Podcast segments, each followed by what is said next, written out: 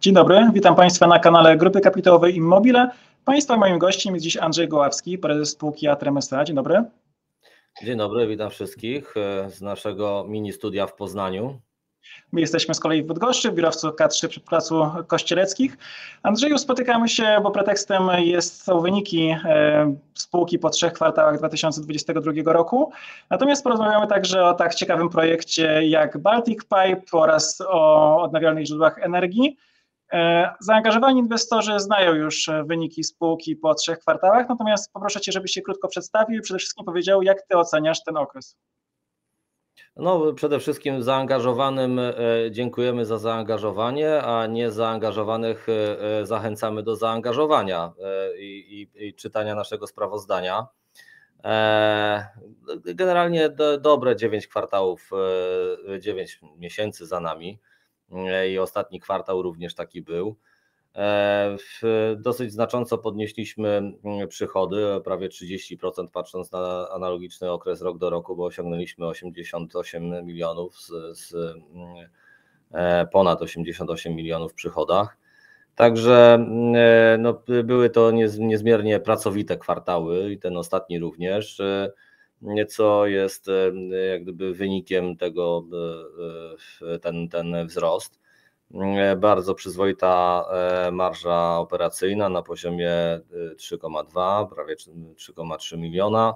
No i e, zysk netto na poziomie 1 800 także generalnie już rok do roku E, poprawiamy wyniki na praktycznie na wszystkich poziomach, e, z czego się trzeba, trzeba się cieszyć. To też jak gdyby pokazuje to, o czym mówimy e, głośno już od dłuższego czasu, że cały ten proces, w którym, w którym byłem razem z moim zespołem zaangażowany, po, po tym jak GKI przejęło Atrem, proces restrukturyzacji, zmiany trochę podejścia do kontraktacji, do E, do portfela, e, koncentrujemy się na lekko większych zadaniach, nie mamy tak, duż, tak dużego rozdrobnienia e, w kontraktacji, no to pokazuje, że, że też efektywność wzrasta. No wszystko chyba świadczy czy potwierdza taką tezę, że, że to, co tutaj robimy, ma sens, z czego się trzeba bardzo, bardzo cieszyć. Mówiłeś o dużych zadaniach. Z pewnością największym jest e, Baltic Pipe. Tutaj spółka była zaangażowana w tłocznik gazu w Wodolanowie. Jak rozumiem, generalnie chodzi o to, żeby system był w stanie przyjąć ten gaz, gaz z tego podmorskiego gazociągu i postawać dalej. E, jak rozumiem, ten mm, kontrakt, czy w zasadzie ta inwestycja jest już odebrana? Jak to wygląda? Tak, tak. E, jesteśmy po wszystkich odbiorach. Te odbiory, tak jak cała inwestycja, e, e, to nie była e, prosta sprawa, były podzielone na różne etapy. Był najpierw odbiór techniczny, potem odbiór końcowy. W tym momencie obiekt został przejęty przez operatora, no i odbiór kontraktowy, który jest związany z takim prawie końcowym rozliczeniem, usunięciem różnych, różnych wad, usterek, niedoróbek. E, także to już jest generalnie za nami. Częściowo to się odbyło e, w e, kwartale trzecim właśnie, natomiast odbiór kontraktowy, już ten ostatni, był faktycznie w listopadzie. Także no, powoli nasz kontrakt związany z Baltic Pipe jakby przechodzi w taką fazę już obsługi gwarancyjnej. E, tłocznia działa. E, faktycznie jest to jeden z najbardziej istotnych elementów całego systemu e, przesyłu gazu poprzez Baltic Pipe, także no mamy tutaj swój udział. Jako lider konsorcjum to prowadziliśmy ten projekt razem z naszymi partnerami z sukcesem przy dobrej współpracy, co, co, co będę za każdym razem podkreślał, z zamawiającym Także cały zespół realizacyjny, również e, e, zespół zamawiającego gaz systemu, inspektorzy nadzorów z nadzoru inwestorskiego. No cały ten zespół ma swój wkład w ten, w ten sukces i, i tutaj duże wyrazy uznania dla tych wszystkich osób, które były zaangażowane w tak duże zadanie, w tak krótkim czasie zostało zrealizowane i, i, i jest jednym z najbardziej istotnych elementów naszej infrastruktury krytycznej w kontekście przesyłu gazu. Także wszystkim zaangażowanym pracownikom Atremu szczególnie bardzo dziękuję, jak również wszystkim innym osobom, które były zaangażowane w realizację tego projektu. Mamy jeszcze dwa kontrakty, o których pewnie akcjonariusze lub potencjalni akcjonariusze słyszeli, czyli dla metra warszawskiego i dla wód polskich. Czyli tutaj mówimy odpowiednio o systemie ochrony tunelu i systemie pomiarów e, hydrologicznych. E, te dwa kontrakty na jakim są etapach? Te, no, oba te kontrakty weszły w taką operacyjną fazę realizacji, czyli jesteśmy już na placach e, budów. W przypadku metra, no to jest plac budowy, czyli, czyli metro warszawskie, tam pracujemy nocami, nas za bardzo nie widać na co dzień i tak być powinno, ponieważ My możemy pracować e, zasadniczo wtedy, jak e, e, pociągi nie jeżdżą w tunelach i faktycznie zaczęły się tam już prace takie montażowe. Jeśli chodzi o wody polskie, podobnie przejęliśmy większość, jak nie wszystkie już na dzień dzisiejszy, obiekty, które podlegają naszemu działaniu. E, także też już e, pracujemy już operacyjnie, ten, ta faza jakby wejścia w życie tego kontraktu i prac takich e, przygotowawczych można powiedzieć, że została zakończona i, i faktycznie pracujemy. Oczywiście jeszcze tam się dzieją różne takie rzeczy związane z, z kontraktacją, z wprowadzaniem poszczególnych naszych podwykonawców czy podwykonawcy na poszczególne obiekty ale tak co do zasady, z takiej fazy przygotowania realizacji projektu przechodzimy już do fazy takiej czynnej realizacji i takie największe natężenie prac e, na tych, e, e, na tych obiektach. A przypominam, mamy je od mniej więcej Gliwic aż do Zielonej Góry, to jest nasz zakres, czyli dosyć dużo jest tych obiektów po drodze. No to tam się będziemy pojawiać i będziemy to realizować operacyjnie przede wszystkim w roku 2023. Jeszcze jakieś kontrakty, które są już w Waszym portfelu, o których warto wspomnieć, które będą właśnie realizowane w przyszłym roku? E, no, w październiku podpisaliśmy e, w połowie października, czyli to już jak gdyby w kolejnym kwartale, ale faktycznie długo oczekiwany, myślę, przez, e, przez miasto kontrakt, przez miasto Poznań, kontrakt na budowę GPZ-u, czyli głównego punktu zasilania tutaj jak dla zaangażowanych i niezaangażowanych odsyłam do naszego filmiku, e, gdzie wyjaśniamy, co to, co to e, znaczy GPZ. E, GPZ Garbary, duży projekt, ważna infrastruktura w mieście.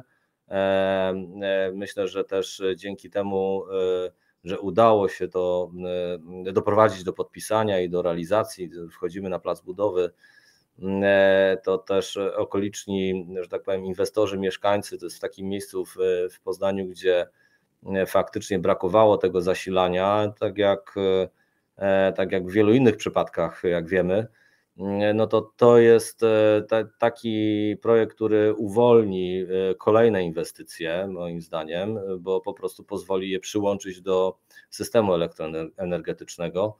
Troszkę inna sytuacja niż w przypadku OZE, gdzie też bardzo jest, jest duża dyskusja w środowisku, jak pewnie wszyscy wiecie, e, na temat nowych przyłączeń. Tam jeszcze, jeszcze są inne ograniczenia wynikające z ustawy 10H, e, ale e, no te kwestie przyłączenia i zdolności przyłączenia do sieci, no to, to jest, to wiemy wszyscy, że, że w przypadku OZE to jest istotne ograniczenie i potrzeby są bardzo duże, to tak w przypadku tego, tego projektu ten brak tego GPZ-u wpływał na E, możliwości przyłączeniowe innych odbiorców, niekoniecznie związanych z OZE, ale osiedla mieszkaniowe wokoło miały powstawać, czy mają powstawać. Tam jest inwestor, który już też się angażuje, ale też i jest tam taka mini strefa przemysłowa. Także no na pewno ważny projekt z punktu widzenia mm, przyłączenia nowych odbiorców i też e, generalnie poprawy takiej jakości zasilania i pewności zasilania dla tej e, no, północno-wschodniej części miasta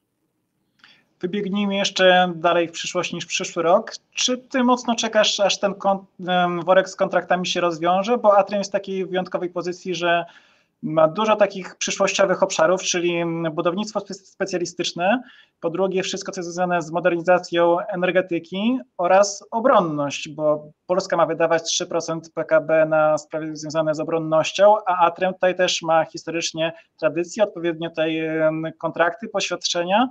Jak ty patrzysz tę przyszłość jeszcze dalej niż, niż na przykład za rok, ale w kolejnych latach? no, pomimo tego, że, że y, w zasadzie ten nasz portfel na lata następne nie wygląda źle, bo to jest około 160 lat, z czego faktycznie większość realizowania w roku przyszłym, czyli przede wszystkim ten, ten rok przyszły, no już tak patrząc na, na samo wejście w rok 2023 wygląda nie najgorzej, to jakby nie spuszczamy tutaj e, E, z, z, z presji i z, cały czas ten nasz e, dział handlowy, dział wycen bardzo intensywnie pracuje i, i, i mamy nadzieję na pozyskanie kolejnych e, interesujących kontraktów, które zdecydowanie wpłyną na poprawę wartości i, w oczach, mam nadzieję, akcjonariuszy też będzie to dobrze odbierane.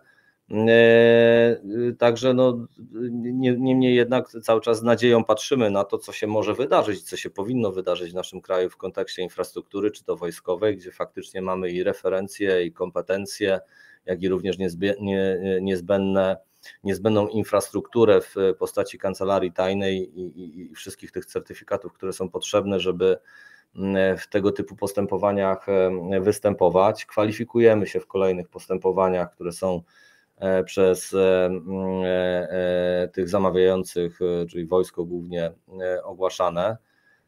Widzimy bardzo dużą intensywność w, w planowaniu i w przygotowywaniu tego, tych przetargów po stronie zamawiających.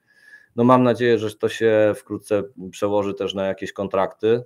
E, I, I faktycznie tutaj Atrem historycznie był e, zawsze obecny i mam nadzieję, że nadal będzie obecny w tym, e, w tym segmencie, czy to, to, czy to jako generalny wykonawca, czy też jako partner w konsorcjum, bądź, bądź podwykonawca w, swoim, w, zakresie swojej jak gdyby specjalizacji. Drugi z tych takich obszarów, o których mówiłeś, to jest związany teraz też bardzo często z z, tym, z tymi potrzebami właśnie związanymi z OZE. Wiemy o tym, że, że tutaj potrzeby są ogromne i że są ograniczenia wynikające właśnie z możliwości przyłączenia do sieci i, i jak tylko e, mamy nadzieję operatorzy i dystrybutorzy e, e, będą mieli pieniądze, no to tych projektów powinno być też dosyć dużo. Tak?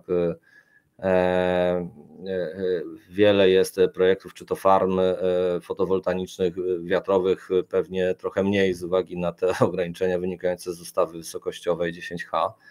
No ale, ale jak dojdzie do nowelizacji, jak dojdzie do tego, że, że, że się te projekty faktycznie uwolnią, czy też realnie zacznie być budowana również infrastruktura związana z E, z e, farmami wiatrowymi na Bałtyku, a tutaj potencjał mamy, jak wiadomo, bardzo duży, w zasadzie w rejonie Morza Bałtyckiego największy mm, do budowania tych farm, no to, to tutaj też powinno być dosyć dużo pracy w, w, w, tym, w tym obszarze. Tak? Na to też oczywiście liczymy. Bardzo dziękuję. Jeśli mają Państwo pytania dotyczące spółki Atrem lub innych spółek z grupy kapitałowej Immobile, zachęcamy do zadawania pytań. Może być na przykład pod tym filmem, może być mailowo bezpośrednio do spółek lub do grupy. Do zobaczenia, do usłyszenia. Oglądajcie filmy na kanale Grupy Kapitałowej Immobile.